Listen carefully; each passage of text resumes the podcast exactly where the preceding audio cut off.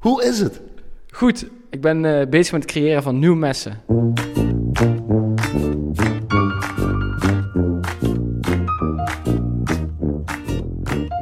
We zijn hier in jouw atelier in Noorbeek in een oud klooster en omschrijf even wat we zien vanuit jouw werkplek. Floris Postmes.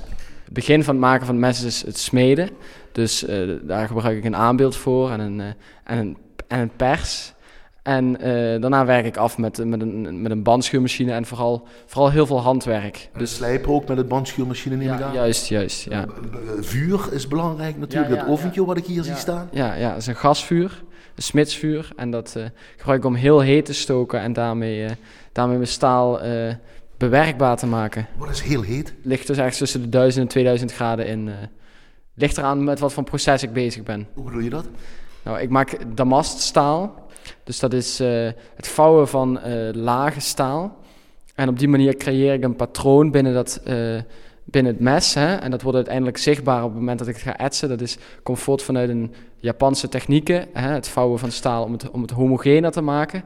Eh, maar ik doe het puur voor esthetiek. En da- als ik dat wil doen, dan heb ik eh, een ontzettend heet vuur nodig. Dan moet het staal bijna, bijna net niet zeg maar, tot smelttemperatuur kunnen komen. Dat is dus heel wendbaar staal. Dat is verschillende stalen die erin zitten in dat damaststaal. Of hoe moet ik dat zien? Ja, juist. Het zijn twee soorten staal. Dus het is één staal wat uiteindelijk li- eh, lichter gaat uitzien. En één staal wat donkerder gaat uitzien. Is het met tekenen dat je moet beginnen? Nou ja, ik be- begin in mijn hoofd. En dan daarna zet ik een aantal dingen op papier om eh, doelgericht naar dat patroon toe te kunnen werken. Dus soms dan laat ik eh, dat patroon wat wilder en laat ik het, eh, wordt het meer organisch en dan gaat het meer zijn eigen gang. En soms dan stuur ik daar heel erg in. Het kan echt van tevoren zijn dat ik een idee heb in mijn hoofd en dat ik daar naartoe wil werken. En dat is dan een plan en dat, datzelfde, datzelfde plan zit nu al ergens in een mes. Maar dat is nog niet zichtbaar, dat ga je pas zien op het moment dat je het gaat, eh, gaat etsen dan uiteindelijk. Op een gegeven moment krijg je een gevoel voor eh, hoe je dat aan, aan het vouwen bent en hoe dat eh, uiteindelijk eruit komt te zien. en wat je moet doen om bepaalde patronen te krijgen. Ik weet dat dat in het staal zit. Ik heb het nog niet gezien. Of ik heb tussenstappen heb ik een beetje gezien. Dat gebeurt pas nadat je er bij wijze van spreken een maand, twee maanden aan hebt gewerkt. En dan, dat is echt het, het magische moment. Dus je, je weet al hoe je profiel van je mes uitziet, maar je weet nog niet, je hebt eh, de ziel nog niet onthuld, zeg maar. Ja, Heeft een mes een ziel dan ook? ja voor, als je mij vraagt, zeker. Ja, absoluut. Dus ik, ik stop daar een stukje van mijn ziel in. Je probeert daar als makende eh, in, in zekere zin controle over te krijgen, maar je, je moet het zien als een soort van eh, samenspel met, het, met je materialen en je omgeving. En het is niet alsof je dat volledig wil bemeesteren. Ik ga dan mee naar bed met die messen en ik sta ermee op. Dat is mijn hele manier van zijn en denken geworden zo. Way of life eigenlijk.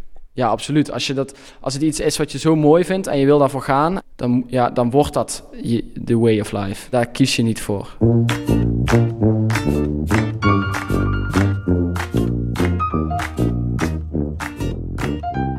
Het is niet, niet per se vanuit het doel van een mes of zo dat, dat die fascinatie is gegroeid. Het is echt eh, de vorm, ja, de esthetiek van, een, van bepaalde messen die, die tot mij spreekt. Begon het dan met een Zwitsers zakmesje of zo, wat Ja, je dan ooit kreeg? Of hoe ging dat? Ja, ja, daar begon het, ja.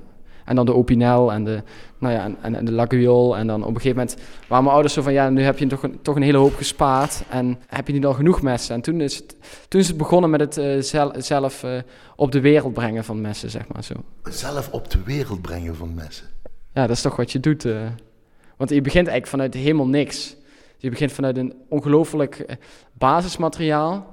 En daar, vanuit daar ga je ehm, beginnen te creëren. En dan op een gegeven moment heb je iets gemaakt wat een, eh, eh, meerdere doelen kan volbrengen. Hè. Dus je, je kan het gebruiken. Het is een, maar dus het, het is, kan ook gewoon een heel plezierig ding zijn om naar te kijken. Dus het is ja, vanuit iets niks naar iets gaan. Zo. Dat is iets heel, eh, iets, heel, iets heel bijzonders als je, dat, als je daarmee bezig kan zijn. Zo. Ik probeer ook altijd nieuwe dingen uit en andere dingen. Dus ik wil niet eh, in een soort van eh, herhalend ding vallen. Dus dan krijg je vanzelf dat je da- daar vo- volledig in door wordt opgenomen. Eh, wat het meeste prikkelt is op het moment dat iemand bij mij langskomt. Ik heb wel eens mensen gehad die wilden, wilden as van een overleden persoon die dierbaar aan hun was, verwerkt in een mes. Dat is, vind ik veel mooier als iemand dat in mijn handen durft te leggen.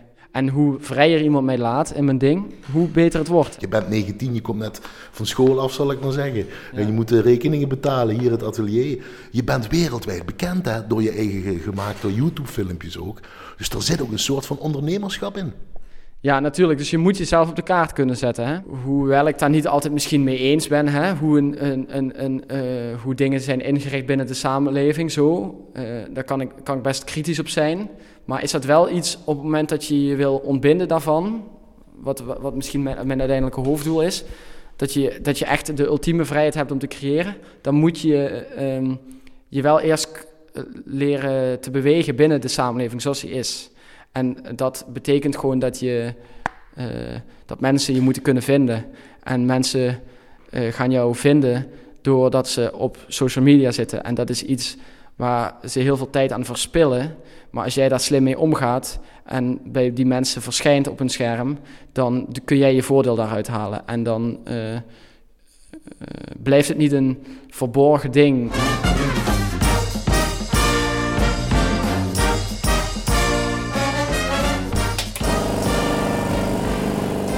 Compressor gaat aan, Floris. Ja. En dan? Ja, hij gaat nu aan en dan uh, gaat de lucht aan. In het oventje, in het gasoventje, hè? Ja, en dan gaat de lucht, ja, en dan zet je die aan en dan uh, ontstaat er een vlam. Nou goed, dan ga je naar je, naar je aanbeeld toe. En uh, vanuit daar ga je, ga je smeden, hè, dus ga je kloppen op het staal.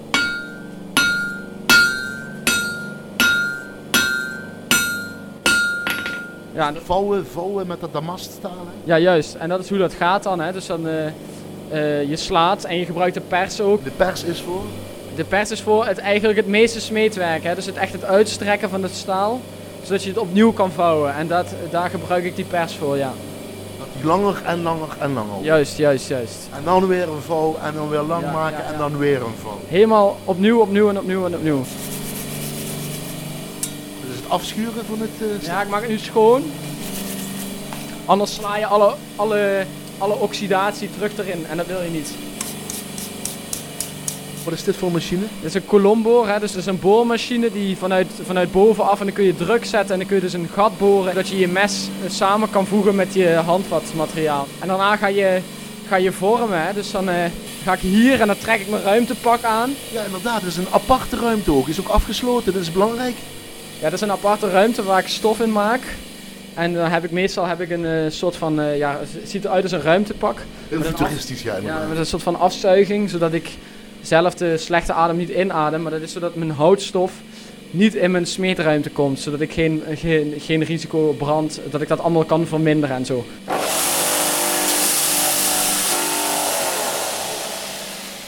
Dan zet ik mijn eh, lemet op mijn handvat. En dan, eh, of dat dan ets ik het, hè, mijn eh, lemet in het zuur.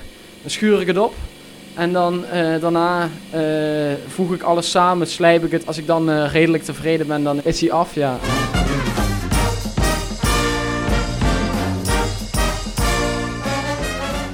Voor mij vind ik het een heel mooi ding, is het altijd de zoektocht naar hoe, hoe laat ik zoveel mogelijk van die traditie los.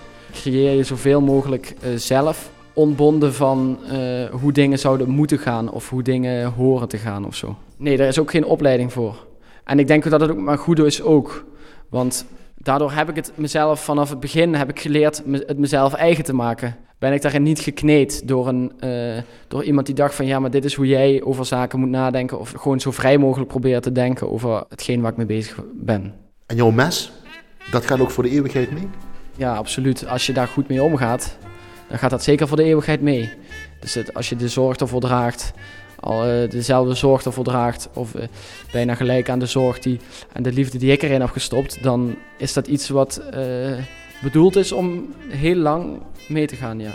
Door het, door het lief te hebben. Door, het, door er zorg over te dragen, adopteer je het misschien een beetje of zo. Zozeer als dat het mijn kind is, heb je het lief. Net als dat het je eigen kind zou zijn. Waarom zal je dit vak blijven uitoefenen? Ik oefen het uit, nu.